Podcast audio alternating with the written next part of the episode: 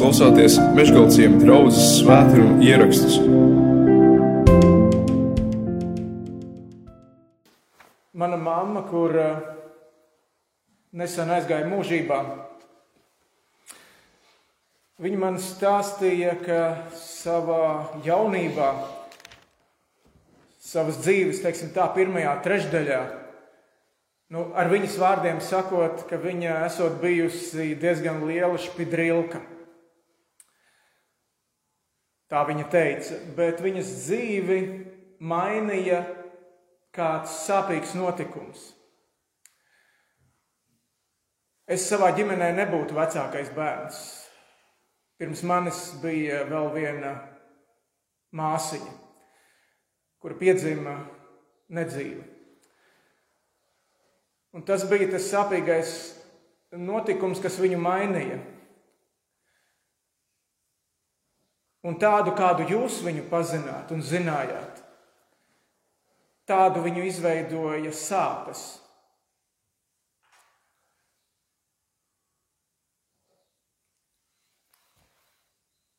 Bet viņa nebija e, rūkta, ja to jūs saprotat. Viņa bija gaišs cilvēks, bet pilnīgi citādāks, acīm redzot, nekā viņa Eh, bija agrāk. Redziet, Jāzeps arī. Jāzeps bija tāds kā luteklis, mēs varam spriest pagājušajā reizē arī, kad runājām. Viņš bija tāds kā luteklis sava tēva namā. Viņš bija savas, sava tēva mīļās sievas dēls. Viņš bija savam tēvam dzimis vecumā.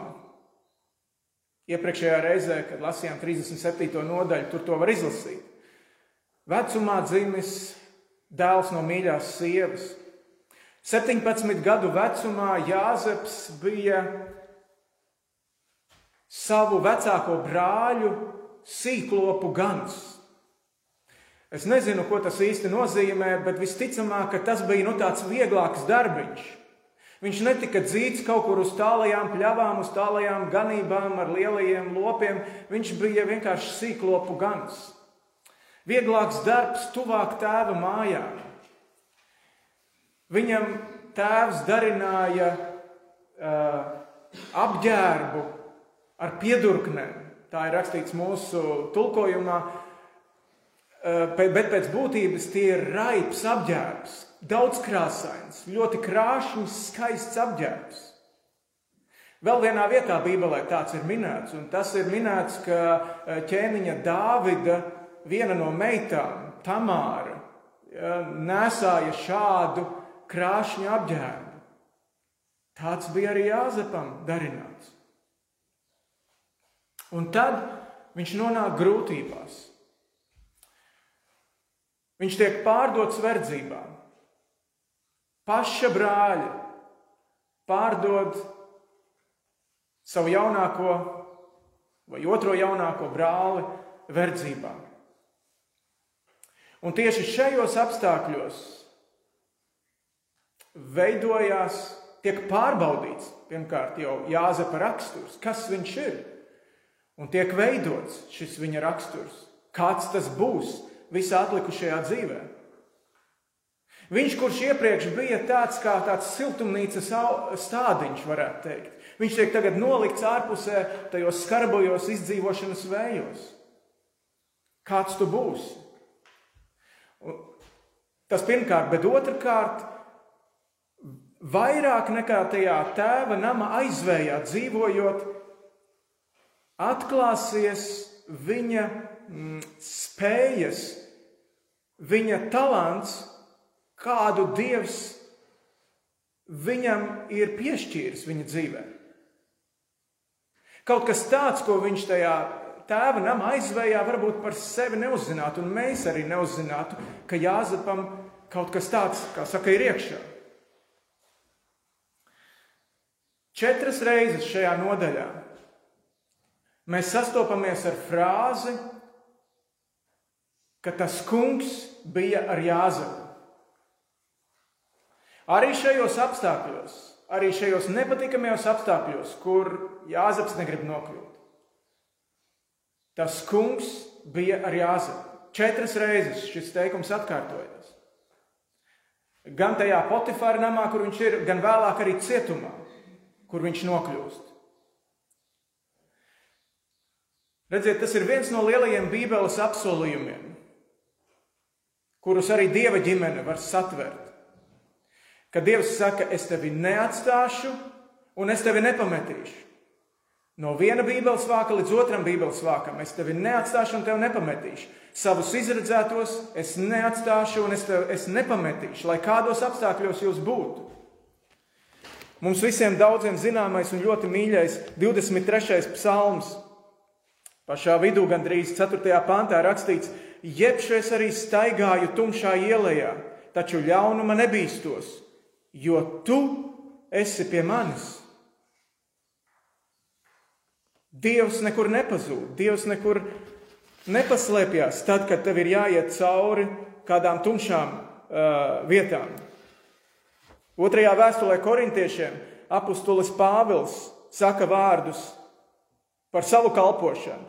Mēs topam vajāti, tomēr neesam atstāti.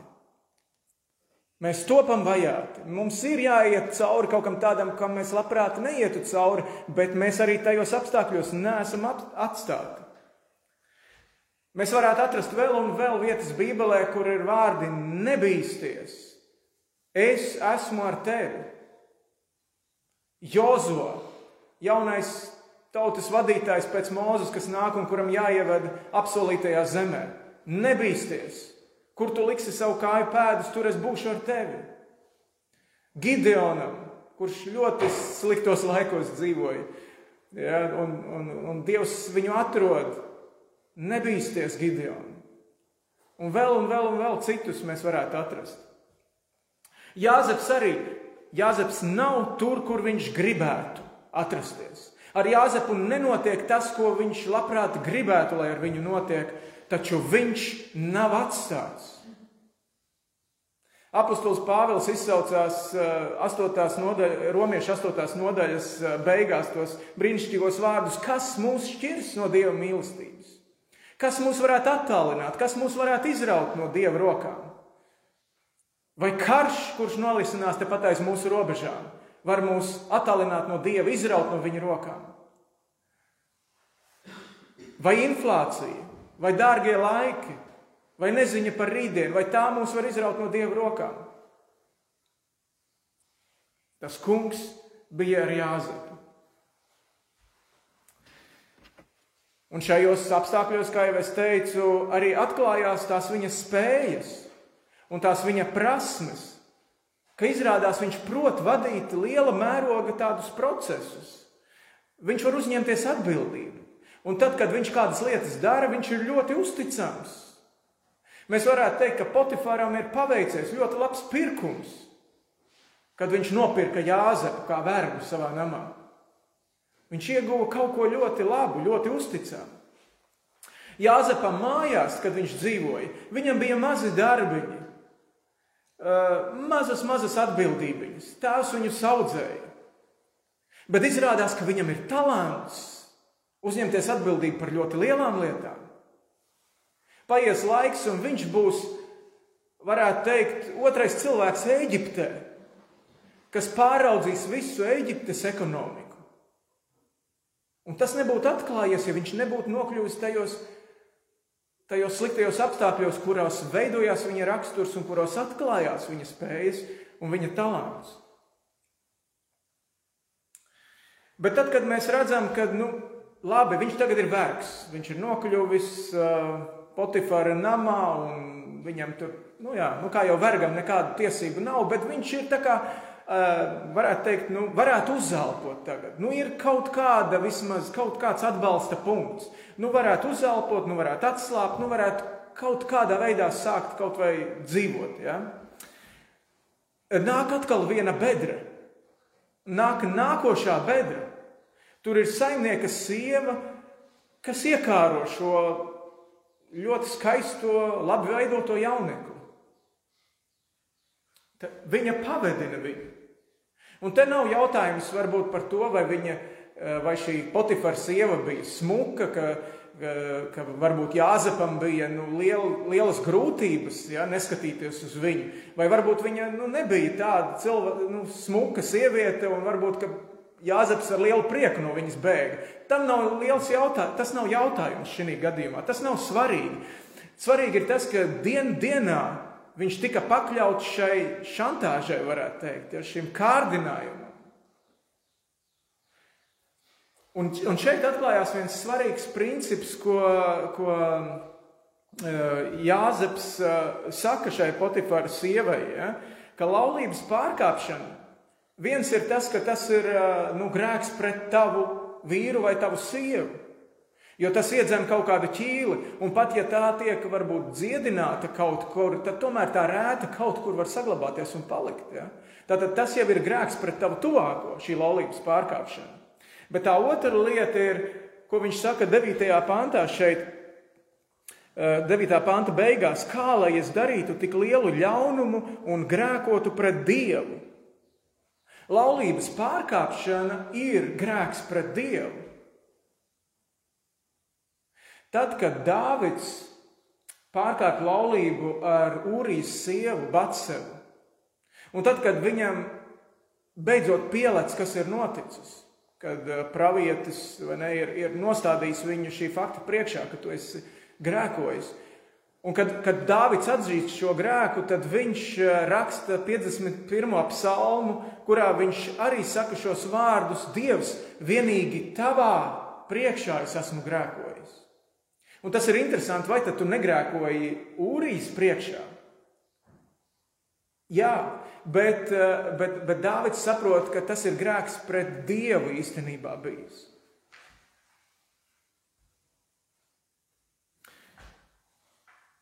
Šodien ir ģimenes diena, mīļā. Un ģimenes dienā nu, man jāsaka, jā, ka, ka daudzi pāri, par kuriem Dievs savā savā sākotnējā domā, kāpēc viņš divus cilvēkus saliek kopā, ja, ir, lai cilvēki saliptu, kļūtu par vienu miesu, par vienu domu, par vienu garu, vienā virzienā un tā tālāk. Tad, tad, tad ļoti daudzi pāri nespēja salikt kopā. Tieši tāpēc, ka ir bijis kāds trešais tur vidū. Un varbūt viņš vēl ir joprojām. Varbūt ne tīri fiziski, bet tavos skatienos, tavā iztēlē, tavās domās, tajos attēlos, ko tu skaties, varbūt žurnālā vai internetā, tur tas trešais cilvēks atrodas. Un tad tas ir grēks pret Dievu arī. Un Dievs nevar svētīt šādu laulību. Dievs nevar to, jā, to svētīt, kamēr Tu to neatzīsti, kamēr tu to nenožēlo, kamēr tu to pārtrauc, nepārtrauc. Un kamēr tas netiek patiešām dziedināts. Redzēt, Jāzeps šajā situācijā viņš, viņš vienkārši nediskutē. Viņš neuzsāka kaut kādas sarunas ar to Potifaru sievu. Nu, izņemot to vienu, kur viņš saka, es negrēkošu, es negribu grēkot pret Dievu. Ja? Tajā brīdī, kad viņa ir saķērusi viņa, viņa drēbes un saka, nāc un guli pie manis, ja neviens mājās vairāk tur nav, viņš nediskutē ar viņu. Viņš vienkārši pamet visu un bēg. 12. panta beigas. Viņš atstāja savas drēbes tās rokās, bēga un izskrēja ārā. Man ir jāsaka, un jauniešiem varbūt tas ir vairāk, vairāk svarīgi. Ja? Eh, bēgt ir liela gudrība. Un es savā jaunībā es nevarētu lepoties ar to, ka es vienmēr būtu bēdzis. Ziniet, tie taurenīši vēderā, viņi, viņi mudina uz to, uz to mm, risku, cik tuvu es varu pieiet. Cik tuvu es varu pieiet tam bezdibenim. Un es varu no savas dzīves teikt tikai to, ka es pateicos Dieva žēlastībai, ka es neesmu pirms laulībām nokritis no tās klints lejā. Ja? Vienu neuzmanīgāku soli paspēris. Un tā ir bijusi tikai Dieva žēlastība. Un es ticu, ka arī manu vecāku lūgšanas par mani ir bijušas tās, kuras nesmu taurinīšu vēderā dēļ pārkāpis to robežu. Un tagad es par to Dievam pateicos. Bet tad, kad šai Potifāra sievai neizdodas tas pirmais solis, tad seko nākamais. Tā ir apmelošana. Tā ir apmelošana. Un, un, un mēs zinām, ka nomelnot kādu cilvēku ir ļoti viegli. Tev tik pietiek vienu teikumu kaut kādu pateikt par otru cilvēku. Un tad nomazgāties viņam, tas ir bezgalīgs process. Savu reputāciju atjaunot ka tā nav patiesība, ka tie ir meli. Un interesanti, ka šie meli šajā nodaļā, meli par Jāzepu, ir atkārtoti divas reizes. Vienreiz viņa, viņa apsūdzēja to savu kalpu priekšā, tajā, tajā mājā, un vēl otrreiz viņa atkārto, tad, kad vīrs atnāk mājās arī vīram. Divas reizes šie meli ir atreferēti, kur pretī Jāzepam, lai viņš aizstāvētos, Netiek dots vārds, citi nemaz.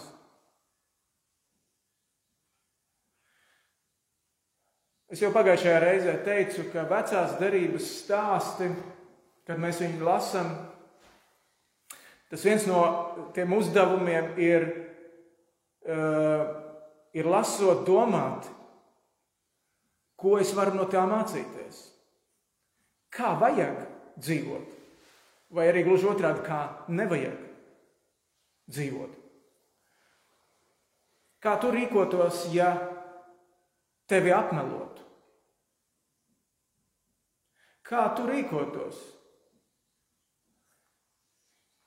Un Jēzus teica, māceklis nav lielāks par savu skolotāju.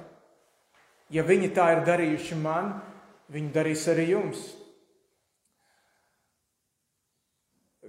Kristietim būt, tas nav būt pasargātam no šādām situācijām, kur tevi, kur tevi apmelo. Jēzus teica Kalnu svētrunā interesants vārdus. Svētīgi jūs esat, ja jūs lamā un vajā un ar meliem par jums runā visu ļaunu manis dēļ. Svētīgi jūs esat. Dīvaini. Bet Jēzu, kad mēs lasām viņa tiesāšanas skatu, nu, piemēram, Mateja evanģēlijā, tad, eh, tad Pilārs arī nevar saprast, kāpēc šis cilvēks ir pie viņa atvests. Viņš saka, es, es neredzu neko ļaunu pie viņa. Un pēc mirkļa tur ir rakstīts, viņš saka, ka, ka viņš saprot, ka tas ir skaudības dēļ. Skaudības dēļ Jēzus ir nodots.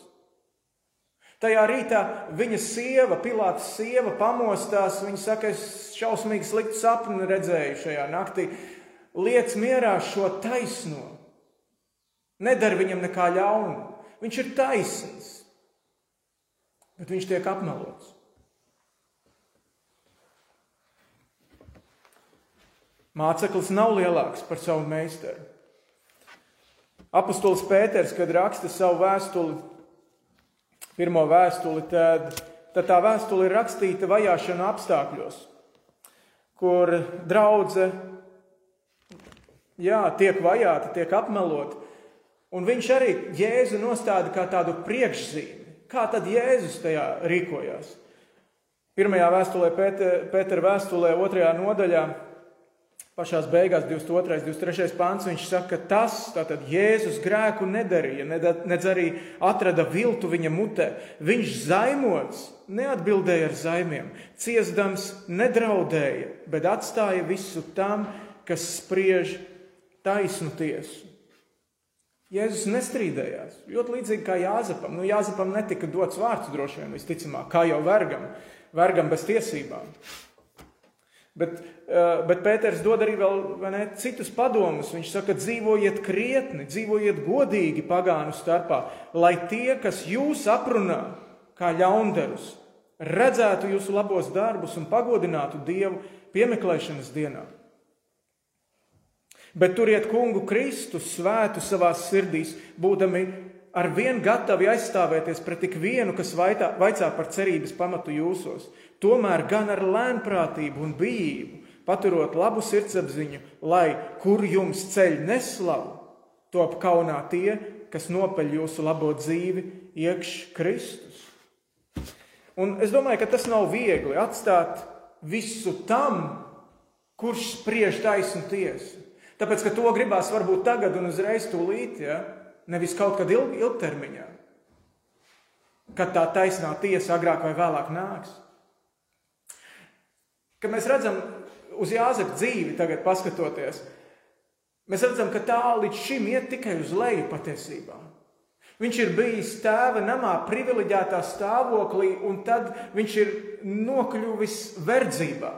Viņš ir kļuvis vergs bez tiesībām. Un arī no šī verdzības stāvokļa viņš tiek pazemināts, viņš tiek iemests cietumā, viņš tagad ir cietumnieks. Viņš ir kārdināts, viņš ir apmelots. Un tomēr viņš nav atstāts. Tas kungs joprojām ir ar viņu. Tas kungs joprojām ir ar saviem izredzētajiem. Šajos sliktajos, grūtajos apstākļos Jāzepa raksturs rūdās. Mēs joprojām varam redzēt, ka viņš paliek uzticams. Arī tur tajā cietumā viņš ir uzticams un iekaro to uh, cietuma priekšnieka uzticamību. Un pat cietumā, tajā zemākajā punktā, kurā viņš šobrīd savā dzīvē atrodas, viņa uzticamība tiek atalgota un, un viņa stāvoklis ir labākais iespējamais. Dievs parūpējās, lai viņa stāvoklis būtu labākais iespējamais tajos sliktajos apstākļos. Mīļie, mēs arī dzīvojam sarežģītos laikos, sarežģītos apstākļos, un ir, ir ļoti iespējams, ka daudziem no mums arī ir tās situācijas, kad ir tik grūti uzticēties Dievam. Kur viņš ir? Kāpēc viņš kaut ko tādu pieļauj? Kāpēc? Bet es domāju, ka šī jāzepa pieredze, manas mammas pieredze, varbūt arī kāda nu, jūsu konkrētā pieredze, kam jūs jau esat izgājuši cauri, tā rāda, ka Dievs mūs šajos apstākļos, šajos nepatīkamajos apstākļos, tomēr veido. Bībeli saka, ka viņš ir, viņš ir kā tāds ja, meistars, kurš veido uh, trauku. Vecā derība tur vienā brīdī salīdzina mūs kā tādu māla piku, kuru meistars uzliek uz ripas, Ziniet, kā keramiķis veido, esat varbūt redzējuši. Un, un, un tas nozīmē, ka tas, tā māla pika tiek mīcīta kārtīgi pirms tam, lai viņa būtu pietiekami nu, elastīga un, un mīksts tas māls.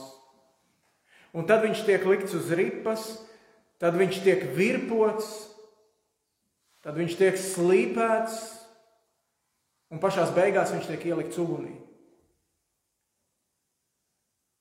kārtīgi apdedzināts.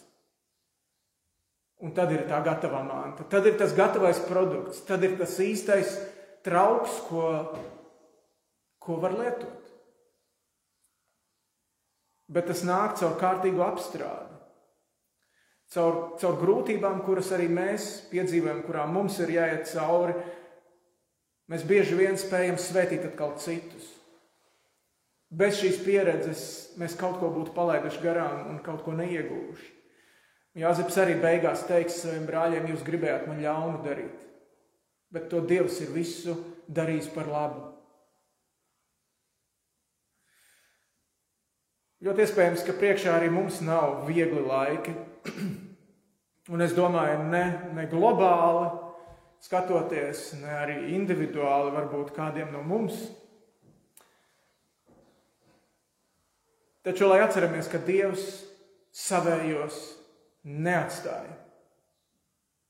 Dievs savējos nekad neatstāja. Nepazaudēsim mēs to pirmo mīlestību uz Dievu. Paliksim uzticīgi, paliksim uzticami tajās, eh, tajos darbos, tajos apstākļos, tajās kalpošanās, kas mums ir uzticēti. Un varbūt pienāks kāda diena, kurā atklāsies, ka tās vislielākās bēdas, kurā mēs esam gājuši cauri, būs nesušas arī vislielāko svētību.